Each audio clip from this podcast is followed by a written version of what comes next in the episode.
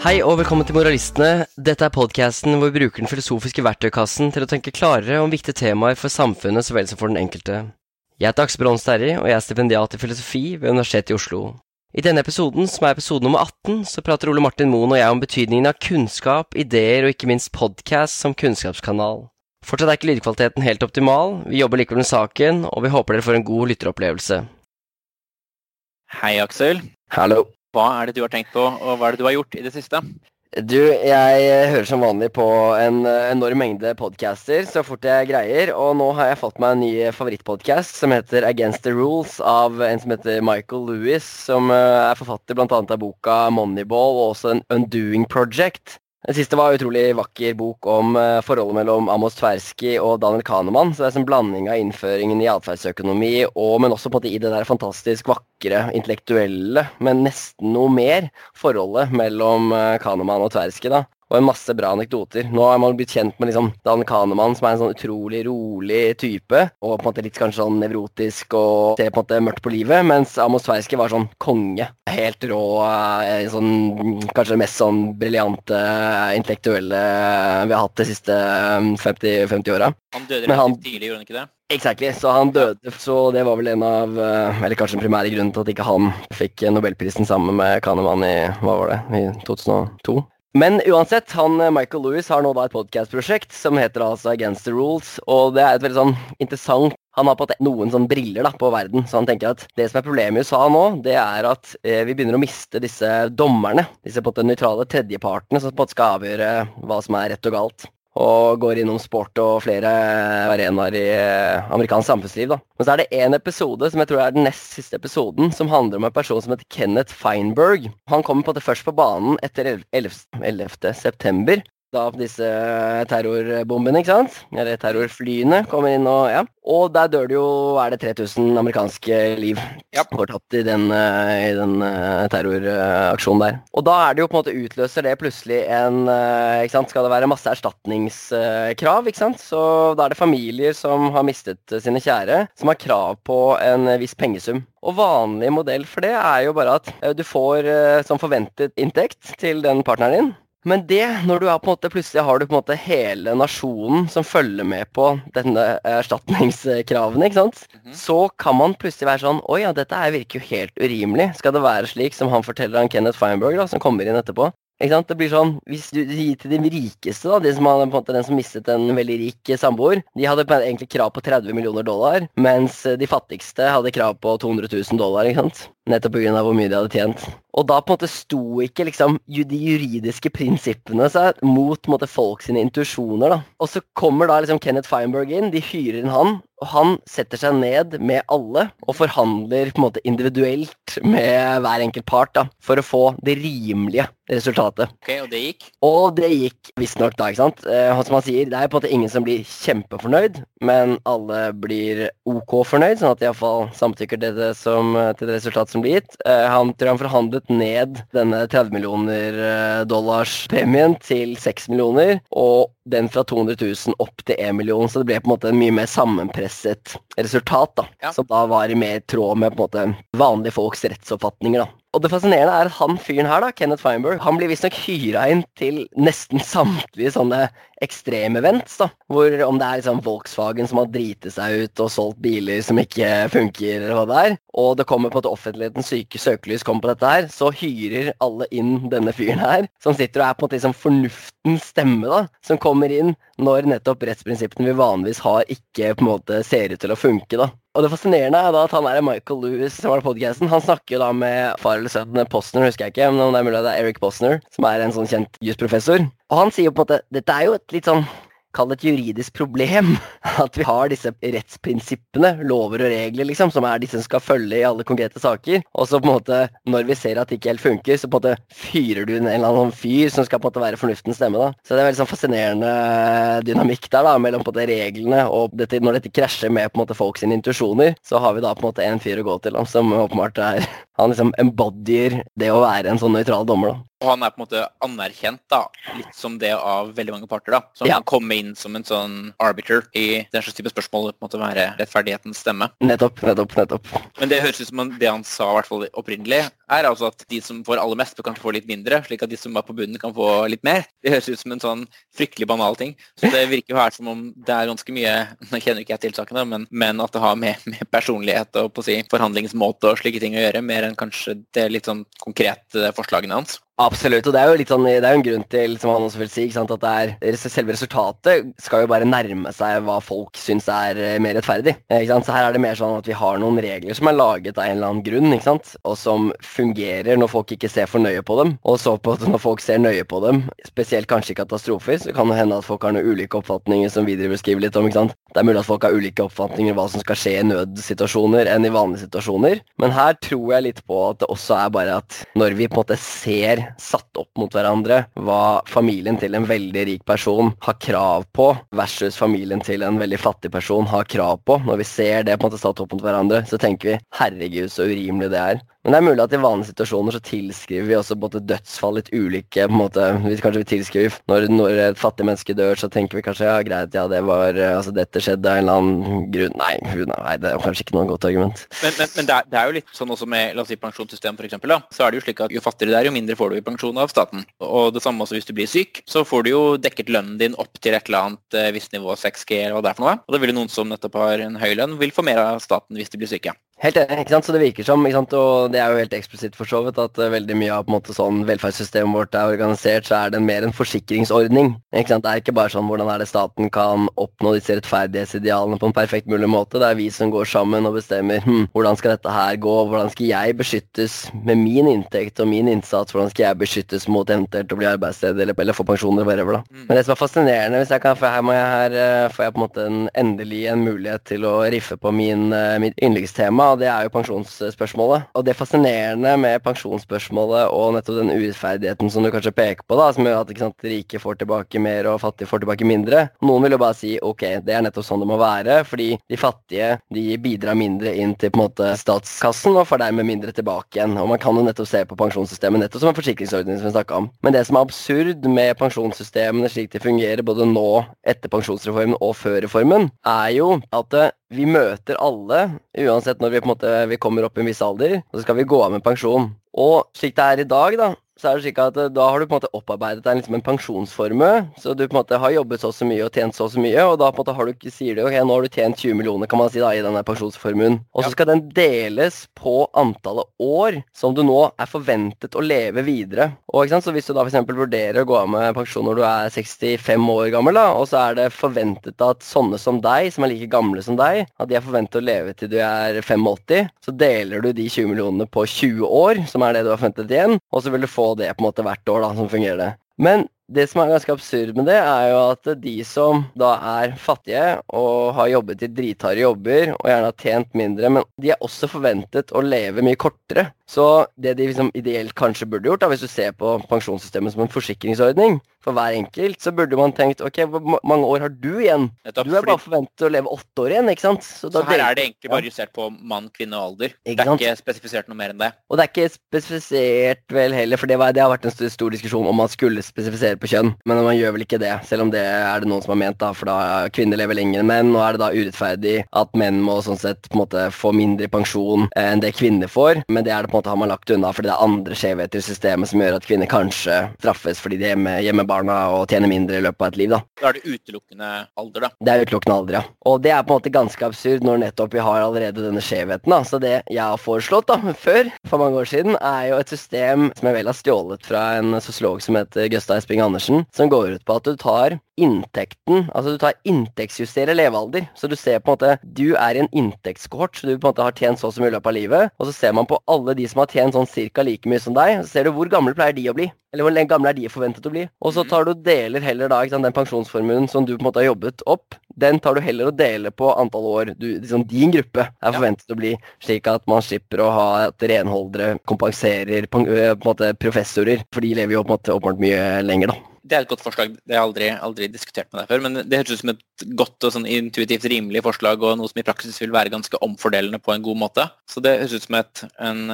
bra måte å gjøre det på, og det er jo eminent målbart også. Ikke sant? Så vil det sikkert alltid være noen diskusjoner. Mange som sier at nei, man burde bruke yrke isteden og alt det greiene der. Men jeg tror det er noen fordeler med å bruke inntekt, fordi i den grad det på en måte har noen uheldige virkninger Det vil jo alltid være noen for eksempel, som er rike, som vil leve kortere, f.eks.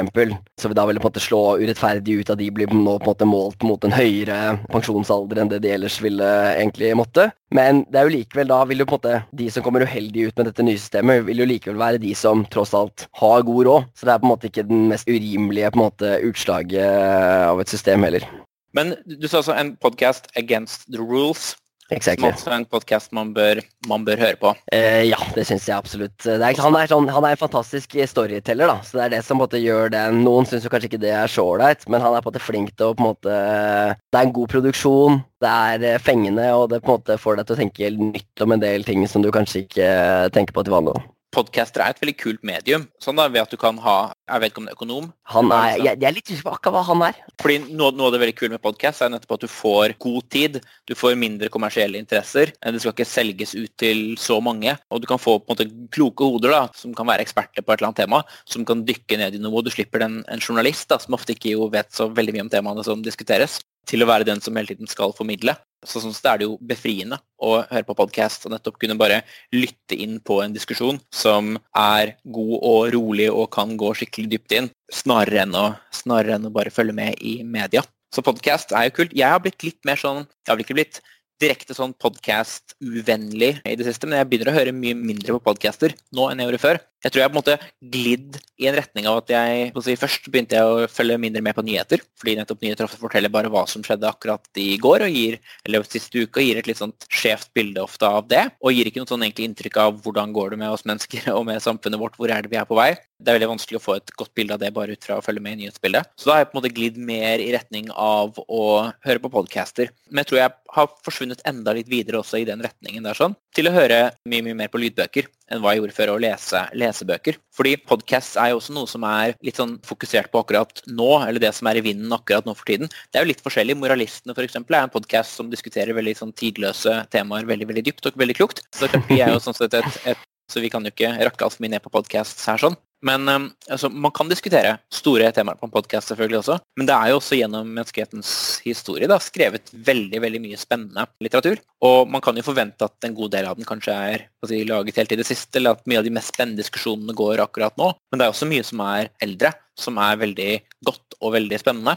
Så jeg føler nesten at jeg får det er jo en litt sånn mer langsiktig investering, på en måte. Altså, Du kan lese nyheter, da får du vite noe akkurat nå som du trenger med en gang. Så kan du få podcaster som liksom gir deg litt mer hva som diskuteres denne måneden, kanskje, da. Hva som er topp. Mens å lese gamle bøker og slik er jo noe som gamle romaner, eller så mye mer skjønnlitteratur nå enn før, er noe som jeg merker at gir meg veldig mye, da. Men det føles som en litt mer sånn langsiktig investering. Akkurat i går ble jeg ferdig med å lese en bok som heter 'Kallokain' Kalukain av Karin Boye, som er en uh, svensk forfatter og poet som er en sånn science fiction fremtidsdystopi skrevet i 1940. Som er noe av det beste jeg har lest av science fiction noen gang. Om et uh, rusmiddel man kan gi folk, eller medisin man kan gi folk, som gjør at de ikke lenger frykter noe og derfor er helt ærlige. I et, fremtidig totalitært samfunn i år 2000. Altså 60 år frem i tid fra det. Dette var jo da nazistene var på fremmarsj i, i Europa. Og veldig, veldig fascinerende historie som klarer å gå veldig nært og godt på mennesker og relasjoner, noe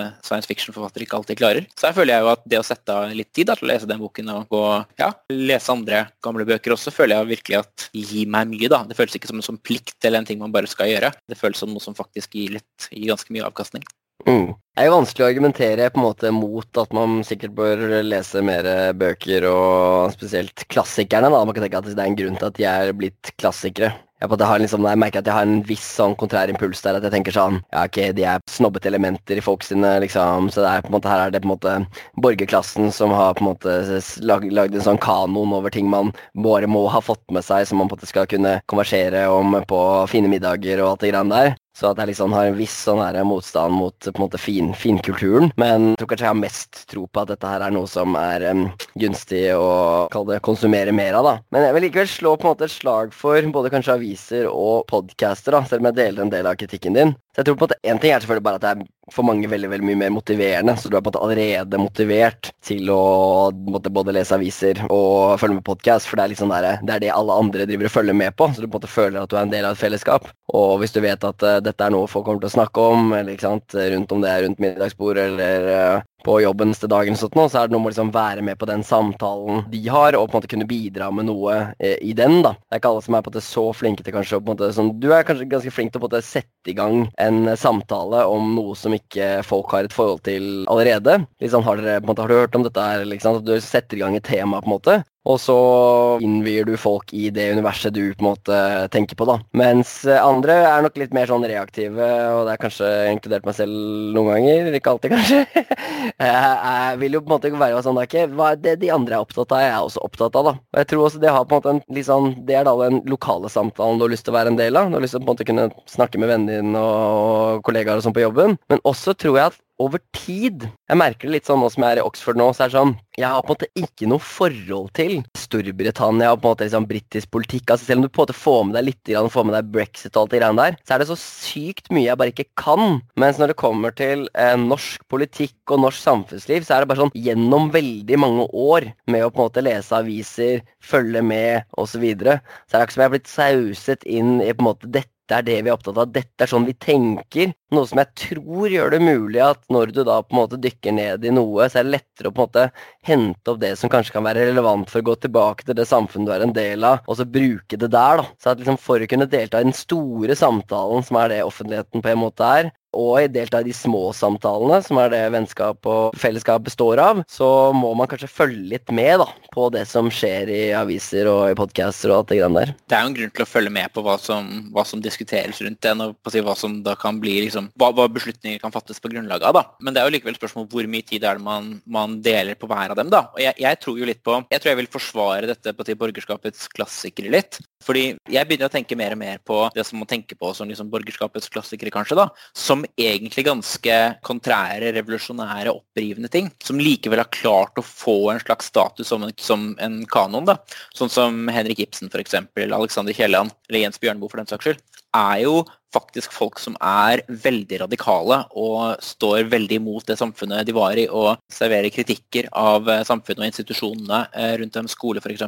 på veldig interessante måter. Og at de likevel da måtte ha klart å bli det som regnes som kanon i Norge, det elevene skal lese i norskfaget f.eks.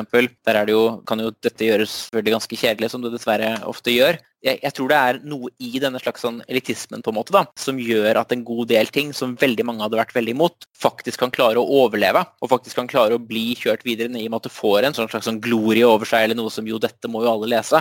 Og så er det en måte å ja, kunne få frem ideer som er mer radikale og opprivende enn man kanskje hadde klart uten denne glorien. Men det, altså, for det som er fristende å si da, er jo at her er det på en måte borgerskapet som på en måte liksom koopterer de revolusjonære eller radikale. da, og så på en måte gjør det dem til kanon og gjør dem til på en måte det som er en del av på en måte det norske eller del av det bestående.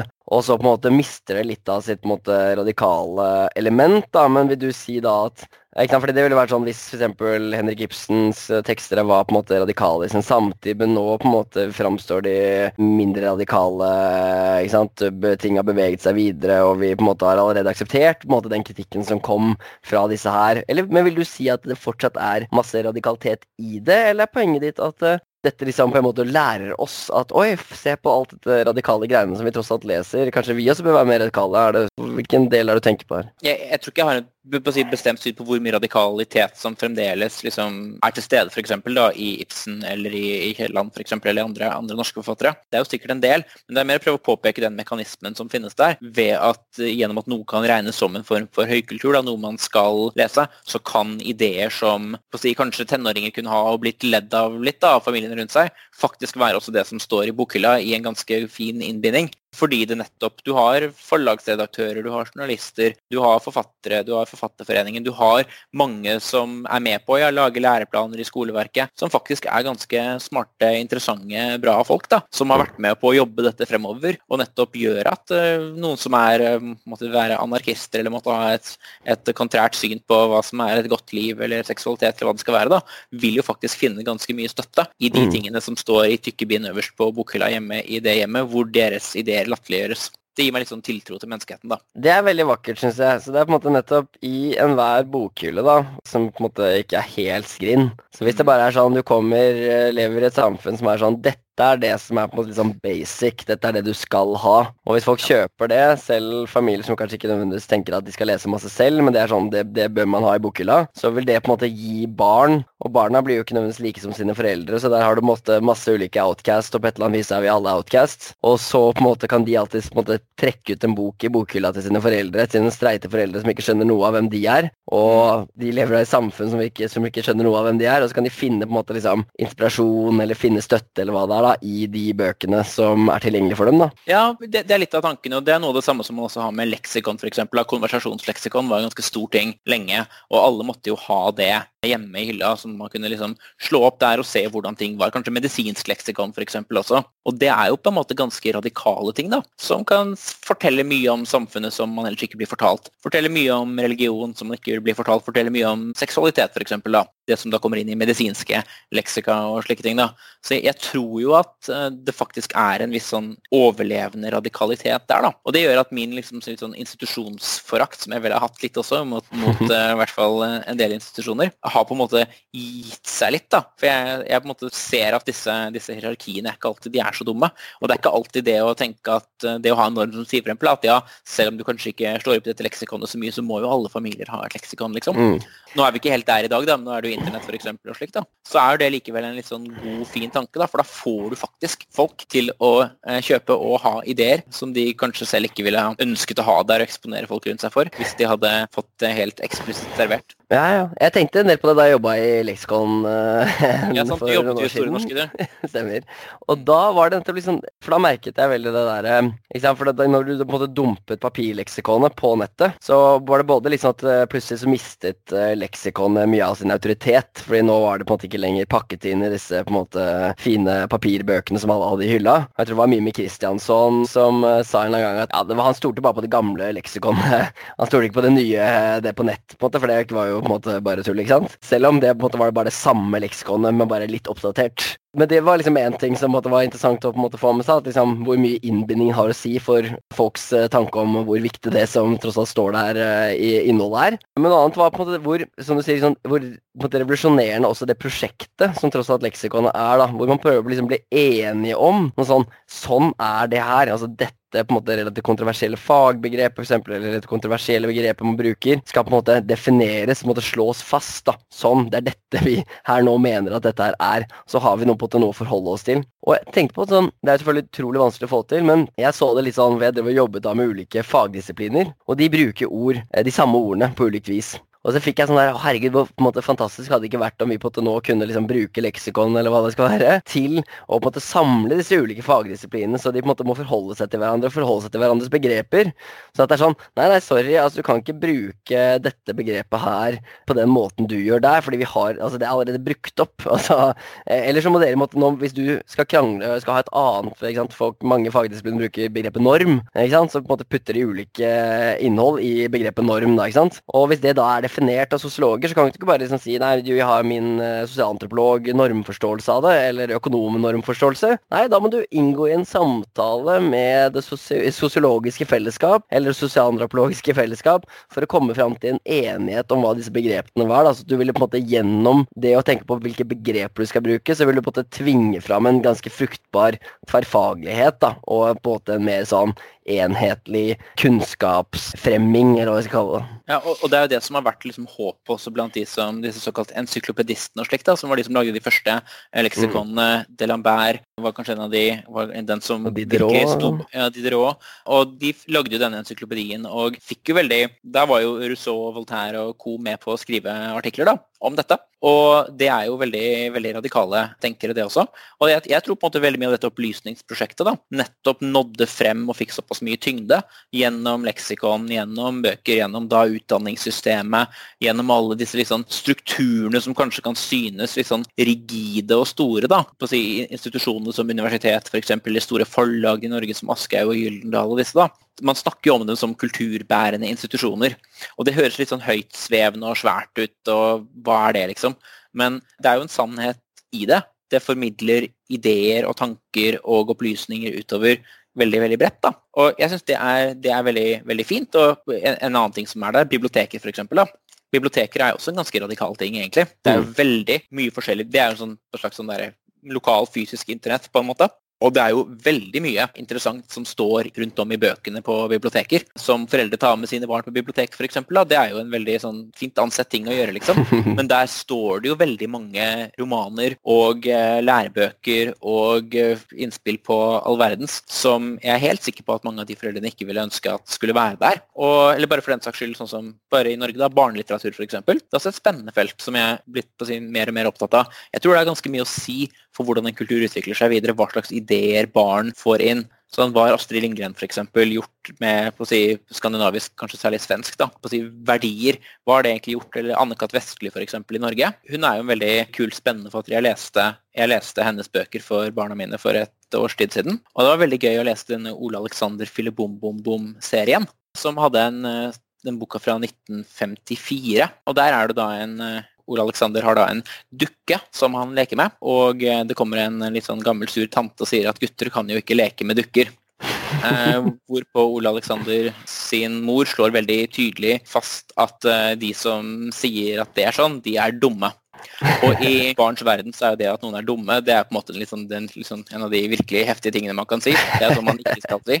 Men her blir det slått fast da, veldig tydelig og klart da, i en sånn jo barnebok som veldig veldig mange leser. Så jeg har litt tro på de tingene som den litt sånn, eh, ja, om ikke nedarvet visdom akkurat, da, så iallfall disse litt sånn institusjonelle tingene. da, Og at de ikke er så grå og kjedelige og besteborgerlige som man kanskje kan få inntrykk av på overflaten. For det er på en måte en litt sånn trojansk hest, på en måte. da. Kanskje det er en sånn parallell for det. Det er en måte der man smugler inn masse spennende, fin, interessant informasjon og perspektiver til folk som det ellers ikke hadde kunnet komme frem til. Det er jo ganske radikalt når det kommer til liksom, Bibliotekene er én ting, men også bare Ok, her kan folk skrive bøker og skrive for så vidt alle andre ting, og så kan folk dykke inn i verdener og bli utsatt for de villeste ideer. Og det å prøve å kontrollere hva folk leser, har jo vært en helt vanlig ting opp gjennom historien. Jeg bare sørger for at liksom, enten heldigvis de kan ikke lese, og man tar på et sånn hemmelig språk som er latin, eller hva det er, ikke sant, som gjør at måte, ikke folk får tilgang til kunnskapen om uh, hva Gud forteller deg, eller hva det skal være. Men også på en måte da i etterkant, ikke sant, hvilke ideer uh, og disse revolusjonære ideene som på en måte ikke folket må få, for da får de sånne ville ideer, og så uh, kommer de til å kaste kongen, eller hva det er, ikke sant. Mens nå, hvis noen foreslår nei, vi må begynne å sensurere, og dette her går jo ikke, vi kan ikke utsette barna for dette her, eller utsette de. Det er ikke noe særlig greit å gjøre i vårt samfunn. Så vi har kommet veldig langt, og vi har på en måte alle kjøpt inn i den ideen om at dette her skal bare være helt laissez-faire. Vi har det, og, det lærer man jo også om i, ja, i norskfag i skolen. Da. Man lærer jo litt om at det var jo rettssaker i Norge mot Agnar Mykle og mot Jens Bjørneboe for sagnet om den røde rubin og for Uten en tråd, som jo er sånn seksuelt ganske, ganske heftige bøker, begge to. Og her er det veldig sånn, tydelig slått fast at ytringsfriheten den er veldig veldig viktig. Den kunstneriske friheten er veldig viktig, og den akademiske friheten. Og dette er jo akkurat de, nettopp de, den type frihetstanker der også. da, At kunstnere, akademikere skal på en måte være frie til å si ting, da, selv om det er upopulært, selv om folk mener det er forferdelig, selv om det er umoralsk. Den type mekanismer da, tror jeg sørger for at interessante, gode ideer kan klare å nå ut. da, Og du kan på en måte, selv om du ikke kan si, forsvare den meningen lokalt, der kanskje folk veldig veldig mange ville vært imot og sagt at dette kan ikke noen si, så har man likevel et overordnet prinsipp som sier at ja, men her er noen som er en forsker på dette feltet. Her er noen som er fast ansatt i akademia, her er det noen som er en kunstner som jobber med et eller annet kunstprosjekt. Da må de faktisk få lov til å gjøre det. Og Det er jo lett å tenke på det med liksom deontologiske regler, som på sin normer som bare, bare er nedarvet og skal være der. Men jeg tror ofte de spiller en, en funksjon, da, og at de kan uh, være gode. Og det er, liksom, det er veldig tilfredsstillende å finne den slags type si, radikalitet. da, i de tingene som kanskje av veldig mange da vil bli, bli regnet som noen av de si, mest konservative og veldig godt sånn ansette tingene som, som man kan gjøre. Interessant. Og når du snakker om det der i disse barnelitteraturen uh, sine på effekter, så er det jo på at jeg har sett en del sånne studier som prøver, prøver å finne ut liksom, er det slik at uh, barn som blir utsatt for uh, spesielt moralske historier, f.eks., om det faktisk endrer deres atferd og sånn. Og de finner liksom varierende resultater. Det er noen studier som prøver å se sånn Har det mer å si hvis du måte gjør dem til mennesker eller dyr? Så hvis det er på en måte fortellingen oppfatninger om dyr? Har det noe å si? Eller er det mennesker? Har, har det noe å si? Men problemet med kanskje disse studiene er vel at liksom de blir veldig sånn kortsiktige. da, At de er sånn, de prøver å finne en eh, effekt av det å lese en bok eller lytte til en eh, barnebok. Eh, og så ser de på en måte har det effekt uh, uka etter eller dagen etter eller direkte etter. Og at det kanskje det som du vil tenke på, er at det her liksom siver inn over tid. Så vil det på en måte forme hvem de er. Og jeg tror på en måte Det, er jo kommet en litt sånn, kall det en sånn kulturell vending i økonomifaget og kanskje i flere samfunnsfag, hvor det på en måte har jo på en måte vært veldig sett ned på, prøve å forklare spesielt historisk endring og ikke sant, de måte, viktige tingene om sånn, hvordan økonomien er og hvordan vi mennesker ter seg og sånn. Og begynne å forklare det med ideer og sånn har på en måte vært veldig sånn Nei, det går jo ikke. Det er jo ikke en håndfast ting. Det som på en måte virkelig forklarer hvordan eh, historien går framover og hvordan institusjonene våre er, det er jo på en måte ting som eiendomsretten og eh, slike ting som er håndfaste. Og så er det spørsmålet, ikke sant? Det er jo, dette er jo selvfølgelig ideer, da. Men det ser ut til å skje en liten endring nå, hvor stadig flere i fall kommer fram til at liksom, ok, kanskje det er mer i dette som du på en måte ser ut til å spille opp til. At det er en sånn, det er kanskje mer på en måte kausal kraft i disse ideene. Eh, de beveger mer av historien enn det mange har vært villige til å, å, å mene. da. Altså, det økonomiske er jo åpenbart også en, en veldig sånn, si, sterk kausalkraft, det også. Men du kan tenke at det, og, så, Samfunnet ruller jo fremover og utvikler seg jo. Men spørsmålet, Hva er det som kan klare å gi en slags sånn retningsendring? da? Hva er det som kan få en til å få en generasjon for eksempel, da, til å tenke litt annerledes enn hva de, hva de, gjorde før. Og jeg tror jo at, Det er klart, det, er kjempevanskelig å si, er, vi får jo ikke målt dette på noen, noen, veldig enkel måte. Men jeg vil jo tro, da, sånn som med Pippi Langstrømpe f.eks. De kom ut på 40-tallet. og Der har du jo en utrolig sterk kvinneskikkelse, altså Pippi, en jente, som er utrolig autonom, har en utrolig vilje, utrolig selvtillit. Hun bor i dette huset for seg selv, og eh, politiet vil jo ikke at hun skal bo der. Og hun, hun løper jo vekk fra politiet og jager eventuelt politiet av gårde. For det klarer hun jo å, å, å få til. Og hun, ja, hun er der uten, uten, sine foreldre. Hun vil ikke gå på skolen. Hun kommer innom skolen noen få ganger og si, latterliggjør jo litt dette. Hvor hun liksom skal lære denne plutifikasjonstabellen. Og eh, hvor hun syns det er mye mer spennende å tegne på eh, veggen f.eks. Ha med denne apen sin rundt der. da. Og jeg tror jo at klart, det er, er, gode ting med skole, og det er gode ting med politiet, og det er gode ting med på å si, alle disse samfunnsstrukturene. da. Men at barn liksom utsettes for dette da, igjen og igjen. At det mm. er greit å stå opp mot autoriteter. Det kan være noe litt latterlig ved denne skolen, der du skal lære disse tingene her igjen og igjen. At politiet som kommer der og på å si, blåser i disse fløytene sine og skal arrestere henne og sier hvordan ting på å si, skal være. Det er ikke alltid du trenger å gjøre det, ta det fullt så seriøst. da. Eller bare i Norge, da, Torbjørn Egner er også sånn, et eksempel i Norge da, med folk og røvere i Kardemomme by f.eks.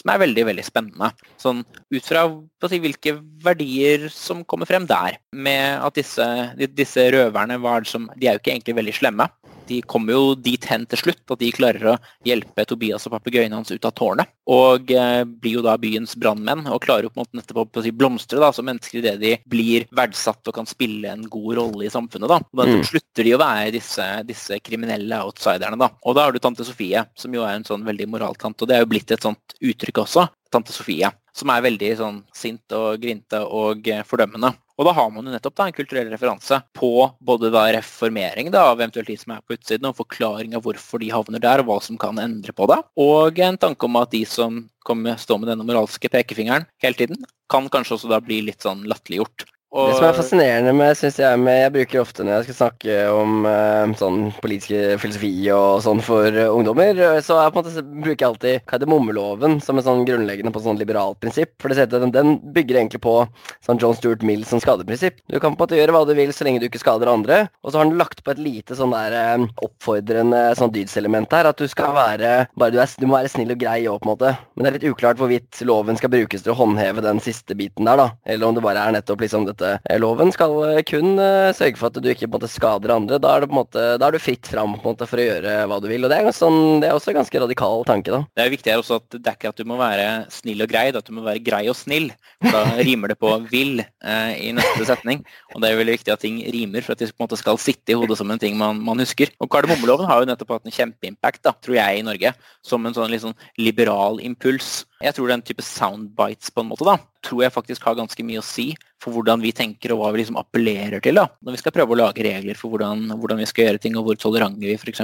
skal være. Det som er på den umiddelbare innvending da, fra en litt sånn kjedelig en økonom eller en uh, samfunnsviter vil si sånn Ok, greit. Uh, ikke sant? Her ser det ut, absolutt ut til at vi har ikke sant? Vi har alle disse her kjente eksemplene på litteratur og barnelitteratur som kommer med en del sånne lærdommer som virker veldig bra, og som virker også på en måte ser ut til også kanskje liksom stemme godt overens med på en måte hvordan samfunnet vårt har blitt. da, ikke sant? Så det på en måte, ja, det har en, liksom en liberal impuls, som du sier, og stå opp mot systemet litt, og vi blir litt anarkiske av dette her.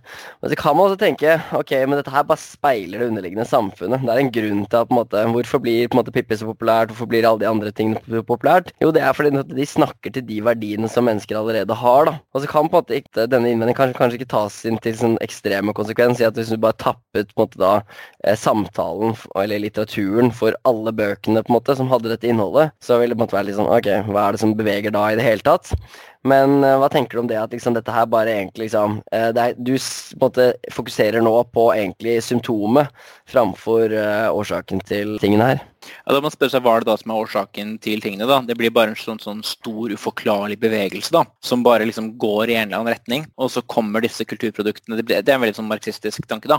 Ja, ikke sant? det er noen eiendoms, ja. eiendomsforholdene og hvem som sitter med makta. og og det, det, er jo ingen, ingen, tvil om at hvorvidt litteratur vil slå an, f.eks., har jo noe med disse, disse menneskene, deres livssituasjon, hvem de er, hvor de, hvor de er. Så det, det, er ingen, det, er jo ikke slik at disse ideene bare kommer ut av intet og bare drar verden i sin retning. De oppstår jo fra noe, men jeg syns det er veldig rart å skulle på en måte si da, at det er de, på en måte, disse de materielle kreftene eller de bare, bare de rent fysisk underliggende eller økonomiske kvantifiserbare tingene som er det virkelig virkende, mens det andre bare er på toppen. Det mer naturlige vil jo være å tenke at de står i sånt, en slags sånn symbiose med hverandre. Og jeg syns det er veldig rart Jeg studerte historie litt på, på Blindern, og det er en liksom kamp mellom si, historikere og idéhistorikere om hva som liksom er hva er det som forklarer historiske endringer, hvor jo idéhistorikerne ofte tenker at det er ideene som er det, det styrende. Og mens da mer vanlige marxistiske ofte da, inspirerte historikere tenker på de, de materielle forholdene. Og jeg tenker Det er en veldig sånn, en legitim fight å ta, men det synes for meg som om mange av de si, historieteoretikerne da, som jeg, jeg leste da og diskuterte med, hadde et sånt syn på at det å tenke at ideer er viktig i historien, har noe litt sånn, sånn mystisk preg over seg. Der du på en måte har liksom ånden som kommer inn og drar på historien. Men jeg syns det er veldig, veldig, rart å tenke det, fordi la oss si du er en fullstendig materialist. da. Altså I en sånn metafysisk forstand, alt er bare materie.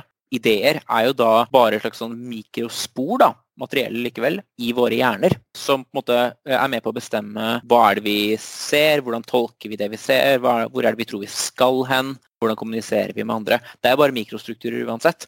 Så det å skulle være da en materialist historisk f.eks., vil jo i så fall ikke trenge å bety at du vil tenke at det er de økonomiske forholdene, produksjonsmidlene f.eks., som bestemmer alt. Det er akkurat like hvis man er materialist like materialistisk å appellere til ideer og oppfatninger, normer osv., som jo også i den så fall er fysiske. Og at disse står i et sånt gjensidig forhold til hverandre, altså de makrofysiske strukturer og mikrofysiske strukturer, det gjør det jo åpenbart. De, de makro er gitt på sin store bakgrunn, og mikro er den lille. Men hvor mye som liksom kan tilskrives hver, da. Jeg tror i hvert fall ikke at man kan utelukke det på sånn si, ideologisk grunnlag, da, som jeg frykter at en del si, materialistiske historieskrivere gjør. da. Men det er vel en litt annen form for materialisme. Det er ikke på en sånn materialisme i den forstand som du på en måte nå beskrev at det. er vel mer sånn der, Tanken er vel mer sånn ok, det er noen ting som Så er spørsmålet hva som er nettopp de materialistiske tingene. da, Men liksom, det er ofte sånn nettopp hvordan er eiendomsforholdene, eh, hvordan er liksom den teknologiske utviklingen, bla, bla, bla. Og så følger på en måte bare liksom idébiten. Følger bare på toppen av det og det virker som det på en måte ikke har noen eh, virkekraft tilbake. Iallfall ikke i så stor grad. Så det er, på en måte, det, det er på en måte mulig å ignorere. Fordi dette her vil bare på en måte være som et sånt tog som bare drar historien framover. Så det er vel det som er greia. at det er sånn, så det betyr ikke at liksom alt, eller at det ikke finnes noen ting som Eller at alt er materie, på en måte. Det vil jo på en måte nettopp liksom ødelegge litt av poenget deres. Det er vel nettopp dette er eh, litt mindre um, omfattende ting, da. At det er sånn Det er disse, dette som er historiens drivkrefter. Men det blir i så fall en mye mer empirisk påstand. Og min frykt er kanskje at man liksom ekvivokerer litt, på en måte måte. At man sammenblander litt hva man mener med, med materialisme, og nettopp må si, avviser idéhistorie litt. da, Fordi man avviser ideer litt. fordi hvis de skal være, være, viktige, så må det være en sånn sjel som griper inn i verden. Men det trenger man jo ikke å mene. Man kan jo fint mene at det er de materielle forholdene som styrer, men en del av disse mikroforholdene har faktisk ganske mye å si. da, Og jo mer på å si butterfly effects man tror på, slik da, jo mer vil man også kunne tro at en liten endring i hva noen tenker, for eksempel, da, faktisk vil kunne ha ganske mye å si for hva folk eh, gjør videre. Jeg heller jo veldig retning av denne, av en sånn, sånn idealistisk forståelse av, av, historie, der jeg tenker at ideene er jo ikke bare en sånn ting som flyter på toppen og er veldig abstrakte. Det handler jo om hva slags verden vi tror vi lever i, hva vi tror er godt, altså hvor der vi skal, og hvordan kartet ditt ser ut og hva du tror er destinasjonen din, må jo ha ganske mye å si for hvordan du handler. Det er veldig veldig sentralt for hvor en båt havner, hva slags kart kapteinen eller styrmannen har, og, eller navigatoren har, og hva de tror er den, det stedet vi skal til. Og tenke at det ikke har noe å si, mens det bare er de som ror, f.eks., som har noe å si for hvor, hvor den båten skal. På en måte er det jo riktig at det er de som transporterer båten dit, mens uh, det betyr jo ikke at uh, hva styrmannen gjør, er, er irrelevant. Jeg er helt enig, og jeg lurer litt på, på måte, hvorfor man uh, har denne. og Det er på en måte sånn farlig å drive og spekulere inn i en litteratur som man ikke har satt seg altfor godt inn i. Men det er på en måte litt sånn fristende å tenke at ok, når man nettopp prøver å se det som er veldig veldig vanlig økonomisk historie, er jo på en måte å prøve å se liksom, hva er det som forklarer denne enorme velstanden. ikke sant? Det er jo på en måte et veldig stort spørsmål som vi har sett de siste 300 årene. på det Her er det noe vi må forklare. da, ikke sant? Fra liksom, Her går man og har på en måte flat vekst i liksom, og nesten ikke noe vekst i det hele tatt i alle alle år, og så plutselig bare sprenger dette oppover, og så har vi på en måte eksponentiell vekst. og hva, hva, skjer her? Og da er det på en måte nettopp litt sånn ok, er det på en måte Hvilke endringer i de private eiendomsforholdene er det som det er snakk om? Eller er det, nettopp, er det nettopp det at man på en måte fikk innført privat eiendomsrett som var det som forklarte dette, eller er det andre ting som skjer? Er det trykkefriheten? Og i så fall, hvis det er trykkefriheten, har det har vel noe sammen med ideene våre, har det ikke det? Men da har man på en måte likevel knyttet det til en, en, en, en teknologisk endring, som da på en måte er mer håndfast for en selv. da. Så jeg lurer på om det er liksom, er det da i historiefaget eller, og på en måte forstått hos økonomene også en, på en, måte en bias i retning å lete etter eh, de på en måte tingene som man kan si å være håndfaste, som det også forstått er mulig på en måte å i mye større grad spore gjennom historien også. At det noen ganger kan være vanskelig å på en måte si liksom Du har jo på måte tekster, men det er på en måte vanskeligere å tidfeste på en måte når er det denne kommer, og at den har hatt da, en, på en, måte, en virkende kraft. Mens derimot sånn inntreden av uh, trykke... Um, hva heter det? Trykkepressen. Ja, boktrykkerkunsten og trykkeri eventuelt. Ja, trykkeri. Ja. At det er lett lettere å på en måte si at liksom, her skjer det. Lettere å spore det over tid, og dermed også at det er det man bruker til å forklare det, istedenfor å liksom tenke ok, men her kommer det noen ord ut av det som kanskje er det som former igjen sinnene våre, som igjen former den videre utviklingen, da, som kanskje virker mer med en plausibel forklaring, på en måte. For meg så virker det jo som når jeg skal tenke på historiene, hva som, som kan forklare på si, de siste på si, 100 årenes utvikling. Da. Og, og da må man jo spørre seg ok, hva er det, man skal, hva er det som forklarer noe? Man spørre seg hvis noe hadde vært litt, litt, annerledes, da, hvor er det du på en måte de minste endringene kunne gitt de største konsekvensene? Og jeg tenker jo at den, er, Jeg tror ikke det er helt uten grunn at den å si at den vitenskapelige revolusjonen kom før den industrielle revolusjonen, og at vi nettopp begynner å eksperimentere, at vi begynner å samle kunnskap systematisk, at vi tester hypoteser, at du får vitenskapelige tidsskrifter etter hvert også hvor man prøver å dele kunnskap på tvers av land, og du får det samtidig som du får mulighetene i en, privat, i en mer kapitalistisk økonomi da, til å kunne gjøre små forsøk og prøve å gjøre ting på andre måter, prøve å effektivisere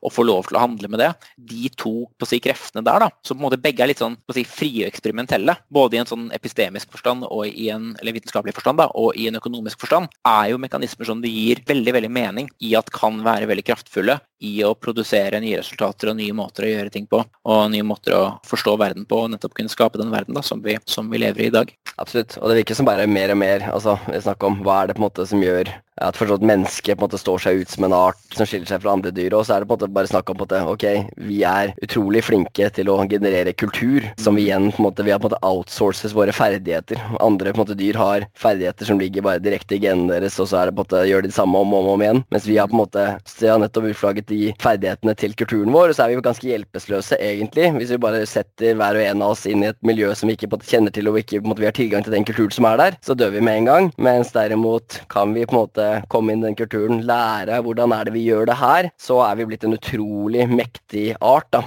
Og alt det der er jo sånn sett ideer da, som vi prøver å til ulike I ulike varierende grad uh, greier vi å kodifisere dette ned i ulike ting, men det er likevel ideer grunnleggende sett. da. Og vi må jo Jeg syns det er veldig rart å se på historien og tenke at ikke vi er veldig veldig plastiske. At vi kan også formes til å fungere på veldig veldig forskjellige måter. Og at det må kunne forklares ut fra ideer. Bare tenk på Tyskland, f.eks. Tyskland i liksom 1910 og Tyskland i 1940. Og Tyskland da med splitt mellom øst og vest, da, oss si 1970, da. Hvordan ting var da særdeles forskjellig fra både 1910 og 1940. Og i hvert fall i Øst-Tyskland, hvor man nå ser hvordan ting er i dag i Tyskland. Dette er jo et land som på mange måter er relativt eh, si, stabilt over tid her, sånn, som har mye av de samme produksjonsforholdene, geografien osv., men som likevel har gått sammen og strukturert samfunnet på fryktelig fryktelig forskjellige måter. Og det, det synes jo unektelig å ha en ideologisk forklaring. Absolutt, absolutt. Så igjen så er det spørsmålet ikke sant? Så det som kanskje kan skape noe forvirring, bare er liksom at man lurer på, på måte, hva er det som opprettholder noe, og hva er det som på en skapte noe i utgangspunktet. For Du kan tenke deg at det, for eksempel, at det er en idéendring som gjør at man får en ny grunnlov for, ikke sant? og igjen skaper nye lover, som skaper nye insentiver. Og da på en måte er det materialitet igjen, kan noen si. ikke sant? Og det er sånn, da Hvis ikke du gjør dette her, så er det en politimann som kommer og banker deg. liksom, Og da er det på en måte mindre ideene som er det som uh, gjør at vi handler på ulike måter. Da er det på en måte igjen strukturene vi forholder oss til. da. Men så er det jo på en måte, jeg tror vi også lett kan bli lurt fordi vi så mye i på en måte vestlig samfunn er nettopp kodifisert og skrevet ned i lov og alt det greiene der, selv om man har tillit og alt det greiene der. Men hvis du går til et land hvor på en måte loven fungerer dårligere, staten fungerer dårligere, så skjønner du på en måte viktigheten av normer på en helt annen, øh, og da nettopp sånn uskrevne lover, da, ikke sant. Som vel mye mer sånn som virker mye mer sannsynlig å kalle på en måte ideer, ikke sant? forventningene vi har til andre. Hvor det nettopp er alt. altså Skal du prøve måte innføre en lov i India som ikke har på en måte befolkningens støtte, så er det bare sånn lykke til. Folk kommer ikke til å følge den uansett. Så, for det må være noen som håndhever den. Det må være noen politifolk som syns at den loven vet altfor mye motstand der. Så da trenger du på en måte ideene før du i hele tatt kan bruke liksom, dette som vi kaller da ofte strukturen, eller whatever. da. Enig. Enig. Da kom vi langt ut i det. Ja, så vi kan lande egentlig den her med å komme tilbake til podkast der vi starta. fordi det på en måte kjente jeg litt på når vi diskuterte dette her, så er det noe av dette her jeg kan, og noe av dette jeg kan halvveis. Har liksom bruddstykker av ikke sant, noe, ikke sant, sånn kultur, kulturell evolusjon og sånn har jeg prøvd å lese noen bøker om, men det er ikke mitt fagfelt. Så jeg har på en måte en litt følelse av hvordan dette går, men ikke noe som jeg kan skikkelig. Statsvitenskap er mitt fagfelt, så det på en måte kan jeg mer bedre. Økonomiske bøker har jeg lest en del av, så det kan jeg litt mer av. Mens det jeg føler føler noen ganger med podkast, som er på en litt farlig og besnærende, er at det gir illusjon av kunnskap. Og sant, man hører lytter til utrolig mye spennende greier. Og jeg følger jo altfor mange podcaster. Og jeg syns det er kjempespennende mye av det. Jeg tenker å herregud, det der var, det var interessant. Og så forsvinner jo som alle annen ting man ikke bruker, all annen kunnskap man ikke bruker. Bare går jo bakover, og så er det på en måte i den grad du sier et eller annet som minner meg på det, så kommer det plutselig til meg. Men det gir meg også en tanke om at jeg tror jeg vet mye mer, men jeg har på en måte ikke ordentlig dykk dykket ned i materien, så jeg har på en ikke virkelig forstått hvordan det virker. Jeg har ikke sett på eksperimentene de snakker om, eller studiene de refererer til. Jeg har på en ikke sett på mekanismene, jeg har ikke gjort meg opp en ordentlig mening om hvordan det egentlig skal virke. Så jeg har bare liksom, sant, sånn løse på en måte ideer basert på hva andre har sagt i intervjuer. Og det er jo på en måte kanskje ikke så problematisk hvis dette er et tilleggselement til din vanlige jobb hvor, som går ned og dykker ned i et eller annet. Så er det på en måte bare sånn Ok, det er interessant. Det gjør at du vet litt hva som er der ute. Jeg følger med på de nyeste bøkene her, så jeg på en måte vet hva som er trenden innenfor ulike fag, f.eks., eller jeg vet hva de snakker om. Men hvis podkast er på en måte nærmest din eneste kilde til kunnskap, så tror jeg du på en måte er lettere eh, intellektuelt sett enn det du tror du er. da, Og at du tro, altså nettopp du går rundt med at det skaper en kunstig forståelse av ting du egentlig ikke forstår. Så Det tror jeg kanskje er en av de tingene som jeg anser som litt sånn farlig med podkast. Hvis dette kan personifiseres én, så er det, det er sånn John, Joe Rogan har en veldig populær podkast. Og han bare hører du han driver intervjuer masse. Han har kanskje blitt litt bedre nå, lært seg noe i løpet av alle de samtalene han har hatt med spennende mennesker. Men det bare slo meg, jeg hørte en podkast han hadde en gang med William McAskill, som er han der lederen for effektiv altruismebevegelsen her i Oxford, hvor McCaskill kan faget sitt, har på en måte studert masse greier, og så bare hører du han der Joe Rogan, som bare er en dilettant, som bare er sånn Han har all kunnskapen sin fra å ha sett dokumentarfilmer på Netflix og hørt på podcaster, og bare sier bare så jævlig mye rart og lite gjennomtenkt i løpet av den samtalen at det er litt sånn Ok, det er dette her folk sitter og hører på, liksom. Dette her kan da umulig være bra. Så det tror jeg er kanskje en liten fare med dette her, da. Så det er kanskje være bedre å dykke ned i tingene litt dypere som du prøver å gjøre nå? Jeg tror det har noe, noe for seg med disse institusjonene man har for forskning og eh, for å si, peer review, altså fagfellevurdering og slike ting f.eks. Og det å være innenfor et universitetssystem og faktisk prøve å gå den veien. Da. Jeg tror faktisk at den har en del verdi ved seg. Om ikke annet så er det fordi at med podkast så er et, et sånt grunnproblem med det, og med flere og flere kanaler for kunnskap, er jo at vi kan jo velge dem veldig selv. Vi kan høre på de podkastene eller de podkastene, og når man kan høre på bare Moralistene f.eks., så får man liksom vårt liksom, bilde av ting, og så kan du høre på andre som kanskje har litt sånn tilsvarende tanker som vi har, da. Og så blir jo det ens hele verden, og så får man et slags ekkokammer.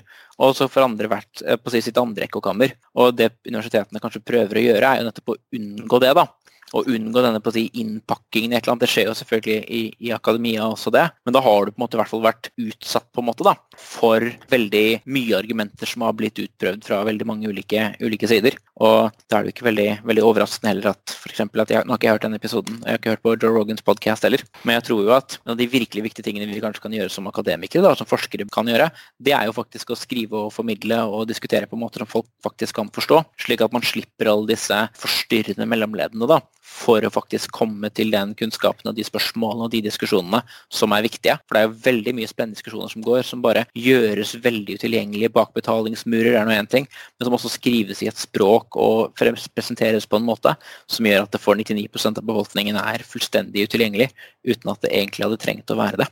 Ja, men min kritikk er jo egentlig litt sånn så der du ender nå, så starter jeg på et vis. For jeg tenker sånn For jeg har jo egentlig veldig tro på akkurat det samme som deg. Er betydningen av på en måte det å prøve å forstå eh, noe så godt du kan. Dykke inn, gå inn i forskningen, og så på en måte hente ut uh, det du kan derfra. Eller prøve da å på en måte formidle det, eller delta i en samtale i den bredere offentligheten og gjøre ting så enkelt som overhodet mulig der, og eksemplifisere hva det skal være. Men det er jo det egentlig disse folka jeg sitter og hører på podkast hele tiden. Det er jo det de er eksperter på. De er jo helt fantastiske formidlere, og de er ofte de flinkeste fagfolkene. Så er måte, her er det på en måte verken mangel på folk som har testet seg på fagfellevurderinger, og heller ikke mangel på formidlingskompetanse. Men det er på en måte meg som mottaker som har en, på en, måte en litt sånn reaktiv behandling av den informasjonen jeg får. At jeg på en måte sitter og følger litt med og får med meg en del, og så blir jeg veldig begeistret, og så snakker jeg kanskje med noen rundt meg om det jeg akkurat har hørt men at det på en måte egentlig siver ikke helt inn. da, Og det er mulig at jeg har en veldig nå eh, legger opp en veldig sånn høy uh, forventning, eller hva det skal være, en høy terskel for, å, uh, for denne form for kunnskapskonsum. da, at det er jo egentlig Alternativ er jo ikke for meg nødvendigvis å sitte og gå grundig inn en fagfellevurdert artikkel akkurat der. Det er jo på en måte fordi jeg syns det er underholdende og sånn òg, men at jeg tror det er liksom farlig er at det, som mottaker dette her, så får man lett illusjonen av kunnskap, og at man da på en måte får en litt sånn man tror man vet mer, og man, når man skal bli bedt om å forklare det, så skjønner man man ikke. Man greier ikke å gjøre det. Og hvis man da bruker for mye tid på podkast kontra andre kilder for å hente kunnskap, så kan det hende at du egentlig blir lettere enn du ønsker å være, da, og forstår færre ting på en god måte. Så jeg tror på litt sånn moralen her da, er at det kan være lurt å gå og lese en bok. Og det kan være lurt å gå og finne en bok fra et godt anerkjent forlag fra Oxford University Press eller Cambridge eller Harvard eller et eller annet sånt noe, som faktisk har blitt på å si, testet og knekket og kontrollert litt, og som forteller noe om det feltet som man eventuelt er interessert i. da.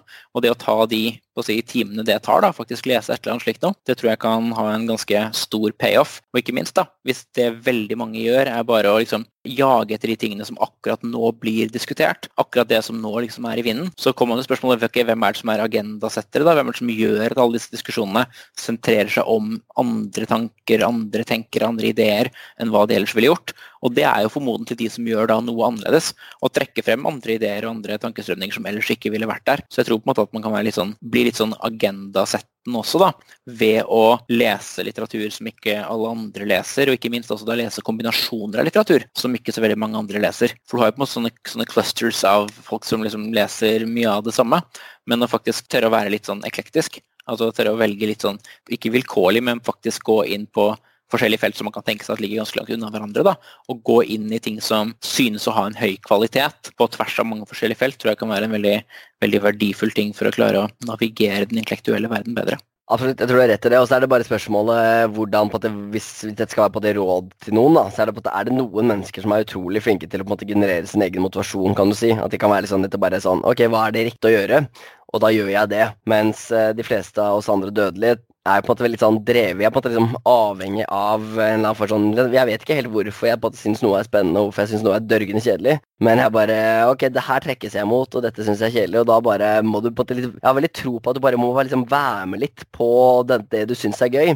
Så det som kanskje da kan være iallfall rådet, er jo at hvis du har litt eklektiske interesser i utgangspunktet, så er det ingen grunn til å måtte prøve å komme seg for mye inn i den der mainstream, hva er det alle andre driver med? Fordi det du driver med allerede, er, kanskje kan være veldig veldig spennende, og du nettopp gjør noe annet enn de andre. Mens eh, hvis du på en måte elsker å være en del av den samtalen og bare høre på podkasten som de andre gjør og er med, så, så er det liksom Ja, prøv kanskje å på en måte kaste inn noen nye ting i den miksen. Eh, kanskje prøv deg på en bok fra Oxford University Press, men hvis du på en måte mister bare fullstendig motivasjonen av det, og du bare Å, herregud, nå på en måte ble jeg det som var tidligere en veldig sånn eh, hyggelig og ålreit og veldig stimulerende ting som jeg på en måte gleda meg til å gjøre. Men nå ble det plutselig en ny oppgave som jeg på en måte syns må bruke masse viljestyrke for å gjennomføre. Så kan hende at liksom vinninga går opp i spinninga der, da. Så lenge du kan flyte på bølgen av indre motivasjon, så er det veldig gratis og veldig fint, da. Enig. så da gjelder Det jo, det er jo da en appell da, til å kunne gjøre ting lettere tilgjengelig og gjøre ting forståelig og motiverende og gøy. Det er jo ingen grunn til at kunnskapsformidling egentlig skal være kjedelig det er jo kjempespennende. Det er veldig et veldig spennende univers vi er plassert i. Eller vi har plassert oss selv i, eller hvor, som vi i hvert fall er i. Og ut, Det er veldig rart at å utforske det, og finne ut hvordan det er, og teste hypoteser, skal på en måte være en sånn veldig sånn kjip, eh, tung, veldig motbakke ting å gå i. da. Det er veldig ja. veldig rart at verden har endt opp der. Og jeg håper podkastet kan klare kanskje Kanskje det er en slags bro, da, hvis jeg skal være litt for podkast igjen til slutt. Eh, at det på en måte er en slags sånn bro mellom den kanskje akademiske kunnskapen da, og det å prøve å formidle dette på, på forståelige, gode måter til folk som ikke hadde har på en måte orket da, til å pløye seg gjennom mange, mange akademiske artikler. Absolutt. absolutt. Vi, eh, vi gir oss der, Ole Martin. Takk for i dag. Det får vi gjøre. Takk for i dag. Ha det.